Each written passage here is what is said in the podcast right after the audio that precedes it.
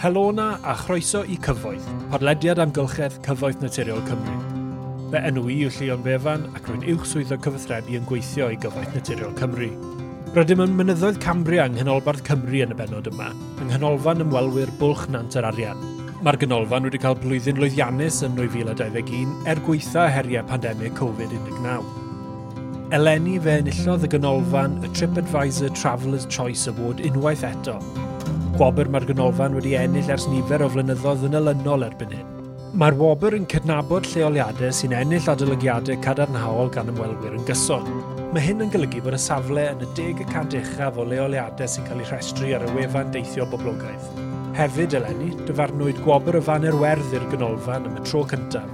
Mae'r wobr, sy'n cael ei gynnal gan Cadwch Cymru'n Daclus yng Nghymru, yn arwydd bod gan barc neu fannau gwyrdd y safonau amgylcheddol uchaf posib ei fod yn cael ei gynnal a'i gadw'n hardd a bod ganddo gyflesterau ardderchog i ymwelwyr.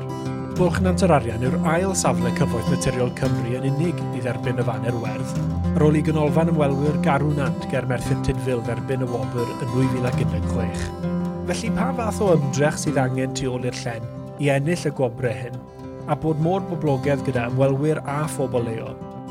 Dyna beth o'n i eisiau darganfod. Dechreuais fy ymweliad gyda sgwrs a Jen Jones, rheolwr tîm canolfannau ymwelwyr i gyfoeth naturiol Cymru.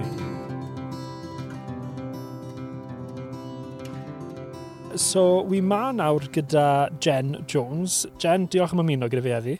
Pleser. A um, jyst i ddechrau, uh, dwi ychydig i fi am dy hun a beth yw dy swydd yng Nghyfoeth Naturiol Cymru? OK, so dwi'n, um, beth maen nhw'n galw, uh, rheolwr tîm, y canolfannau ymwelwyr. So mae hynny'n meddwl mae gyda fi cyfrifoldeb am bwlch nant y fariant lle ydy ni heddi ac hefyd yn islas law gef bos a gawr Gawnawnt law gef Merthyr Tydfil. So dwi'n um, efo fi staff yn bob ganolfan ond dwi jyst fel yn rheoli um, dros y staff yn ni ac yn neud siw bod pob peth yn mynd yn oce okay o fewn y canolfannau. Diddorol.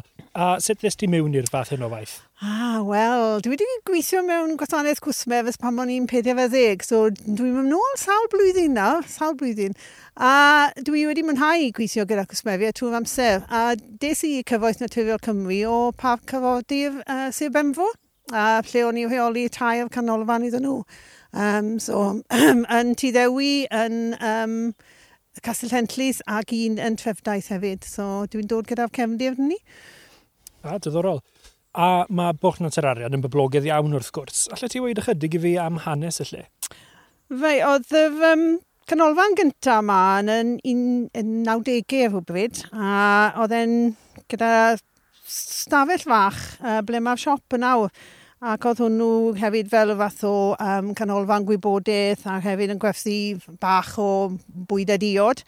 Um, yn 1999, dechrau o'n ni bwydo barcud coch. Um, So felly, yn 2001 gath y um, canolfan ymwelwyr fel mae heddi i adeiladu, a hynny yn cynnwys caffe, siop, uh, toiledau ac hefyd um, stafell uh, dysgu uh, yn, yn fewnol.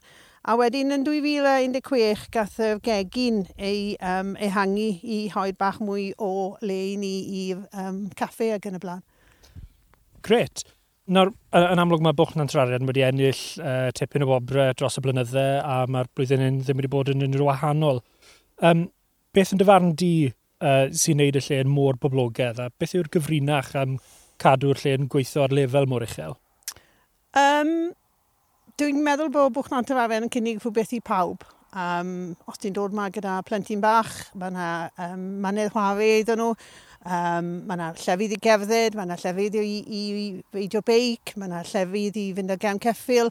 Dyn ni'n hoi tamau bach o bob peth, dwi'n meddwl, a yn, yn ystod Covid, dwi'n meddwl bod bobl wedi gweld hynny mwy a mae fe'n agos i gatfe a maen nhw wedi dod a mae fe'n diogel a mae yna lle iddyn nhw fod tu allan a oedd hynny'n plus wrth gwrs.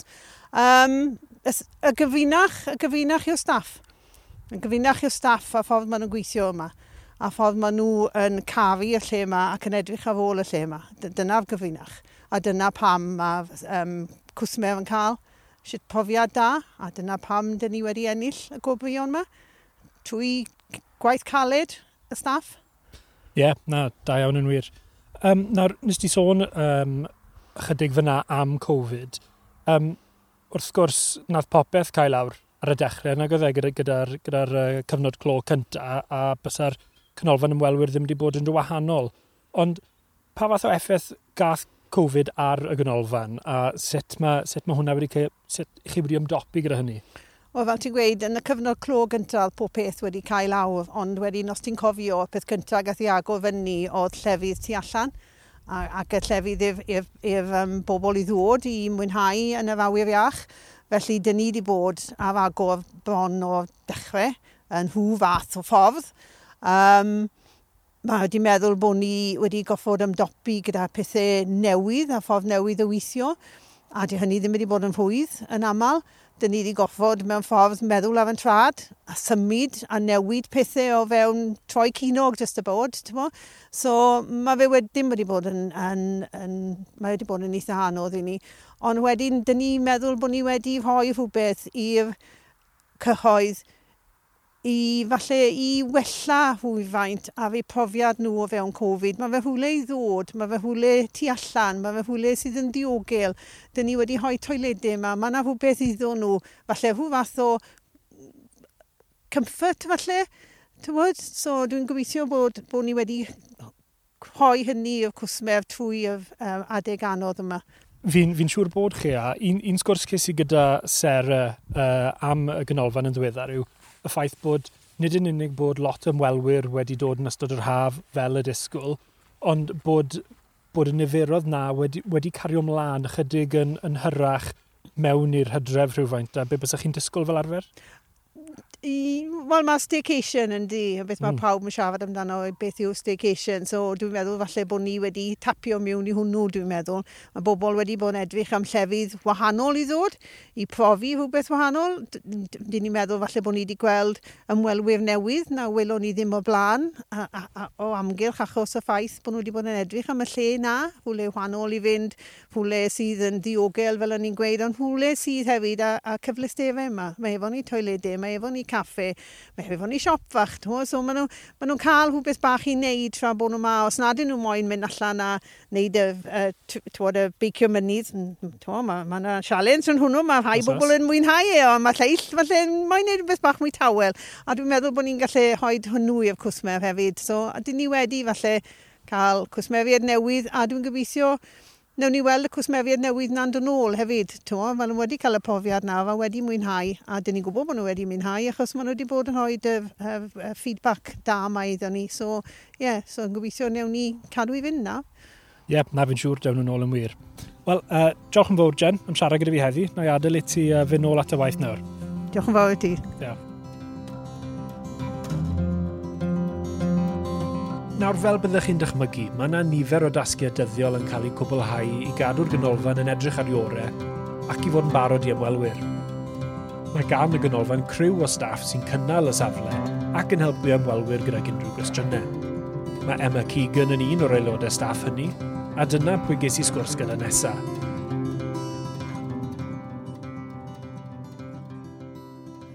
Shmai Emma, diolch am ymuno gyda fi. Bore da? Sut wyt ti? Ti'n iawn? Iawn, diolch. Da iawn. So, i ddechrau, da, jyst gweud ychydig i fi amdano di hynna, beth yw'r swydd yng Nghyfoeth Naturiol Cymru? Oce, okay, so fi'n gweithio yn y siop yn y ganolfan. Uh, dwi'n gweithio ti mas hefyd. Uh, so, just really, edrych ar ôl um, y sait a syrfo cwsmeriad. Um, yeah, na fe, really. Gret. A sut dys di mewn i'r math hyn o waith? So, o'n i yn gweithio yn siop yn y dre cynd o fan hyn, a hefyd is i i'r brifysgol yn Aberystwyth a o'n i'n studio uh, chydwraeth. Um, a na ffordd i fewn i'r swydd ma. Fantastic. So, dyma, beth mae diwrnod arferol yn edrych fel i ti? OK, so, um, ni'n dechrau'r gwaith ti mas, lle fi'n sicrhau bod tasgau dyddiol yn cael eu gwblhau. Um, mae rhai o'r tasgau yn um, checo'r ddau parc, gwneud yn siŵr bod y safle'n lan ac yn saff a glynau unrhyw sbwriel sy'n o gwmpas y lle. Ar ôl benni tu allan wedyn, uh, fi'n mynd mewn i'r siop a paratoi agor erbyn deg o gloch a wedyn i croesawu'r ymwel ymwelwyr. A fi'n deall, uh, ti wedi sôn amdano, mae'n barod bod rhan o'r waith di'n ymwneud â'r siop. So, uh, allai ti weid ychydig mwy fi amdano hwnna? Pa fath o bethau chi'n cadw mewn stoc? OK, so ni wastad yn edrych am stoc newydd a ni wastad yn treol cadw yn lleol. Um, mae amrywiaeth rili really yn y siop gyda ni, um, achos mae gymaint o amrywiaeth o bobl yn dod ma. So, pethau ni'n gwerthu yn cynnwys crefftau pobl lleol, uh, crochenwaith, celf, pyrograffeg ar pren, uh, matiau, clitwaith, ffotograffiaeth, a wedyn bwydydd fel mel o Bonterfanach. A ydy'r nwyddau chi'n gwerthu yn y siop yn boblogaidd? Ynddi, maen nhw. Maen nhw'n rili really boblogaidd. Mae pobl yn hoffi y ffaith bod nhw'n um, lleol hefyd, achos mae fe'n cefnogi'r economi lleol, ac hefyd mae fe'n well, well i'r amgylchedd. Gret. So, un cwestiwn fi wedi bod yn gofyn i pobl, yn enwedig achos bod Cyfoeth Naturiol Cymru a Bwlch Natur Arian wedi cael cymaint o wobref yn hyn yn ddiweddar, yw beth yn dyfarn di sydd yn neud yn le mor arbennig? Uh, Wel, mae fe mor brydferth ma. Fi'n credu bod lot o bobl yn dod ma achos mae mor bert.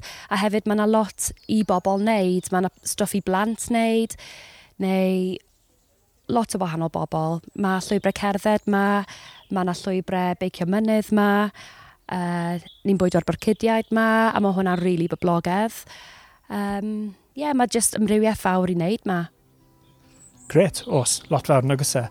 Wel, diolch yn fawr, Emma, am siarad gyda fi heddi. Na i, na i adlu ti fy nôl i dy waith. Oce, okay, diolch yn fawr. Diolch. Fel mae Jen a Emma eisoes wedi dweud, mae rhywbeth at ddant pawb ymwch na terarian. A boed eich bod wedi mynd am wac hamddenol o amgylch y llyn, neu os ydych wedi bod yn gwibio lawr y llwybrau beicio mynydd. Mae'r caffi a'i staff yno eich croesawu. Siaradus i a Rhian Roberts, cynorthwyydd adlwyo yn y gynolfan, am beth sydd gan y caffi i'w gynnig.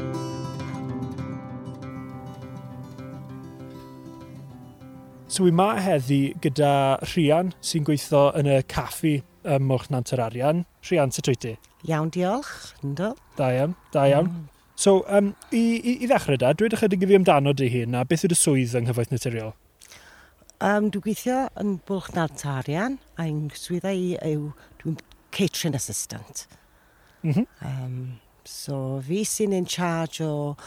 Dwi'n dod mewn yn y bore, dwi'n wneud siŵr bod popeth, wneud y cacennau, os mae yna rhyw decoratio eisiau wneud, a gosod pob beth yn barod i cysmerau am sy'n nhw'n dod mewn.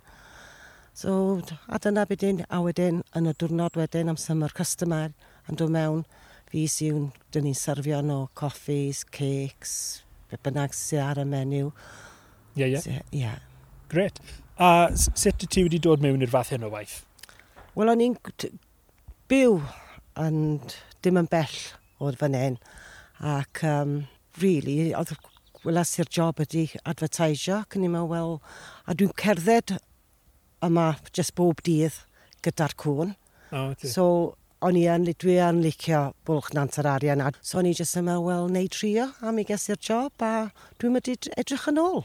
Gret. A ers faint ti wedi bod mewn nawr? Uh, dwy flynedd a hanner. O, oh, gret. Ie. Yeah. Gret. So, pa fath o fwyd i chi'n neud yn y caffi a pa mor brysur mae pethau'n gallu mynd? O, oh, mae'n derbynnu holidays, wrth gwrs, dyn ni am fusu. Mm -hmm. Mae'n mae'n bedlam yma, rhaid i fi ddweud.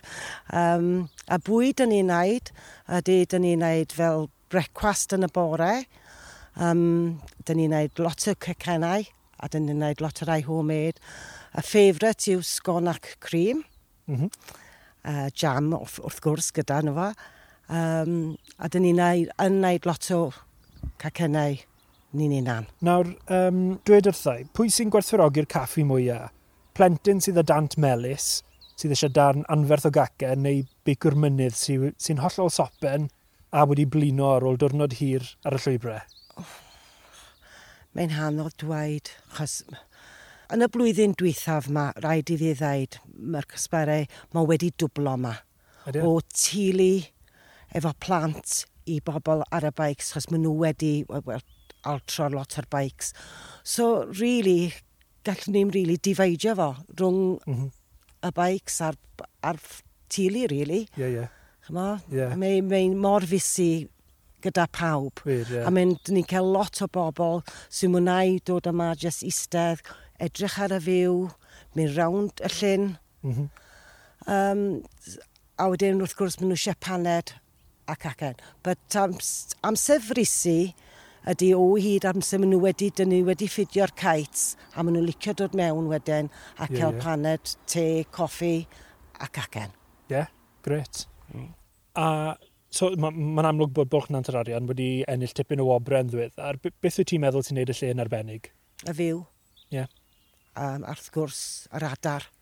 Mm -hmm. Mae'n big attraction. Ar gwrs lle dyn ni hefyd wrth, mae yna mor gymaint o bobl yn drifio.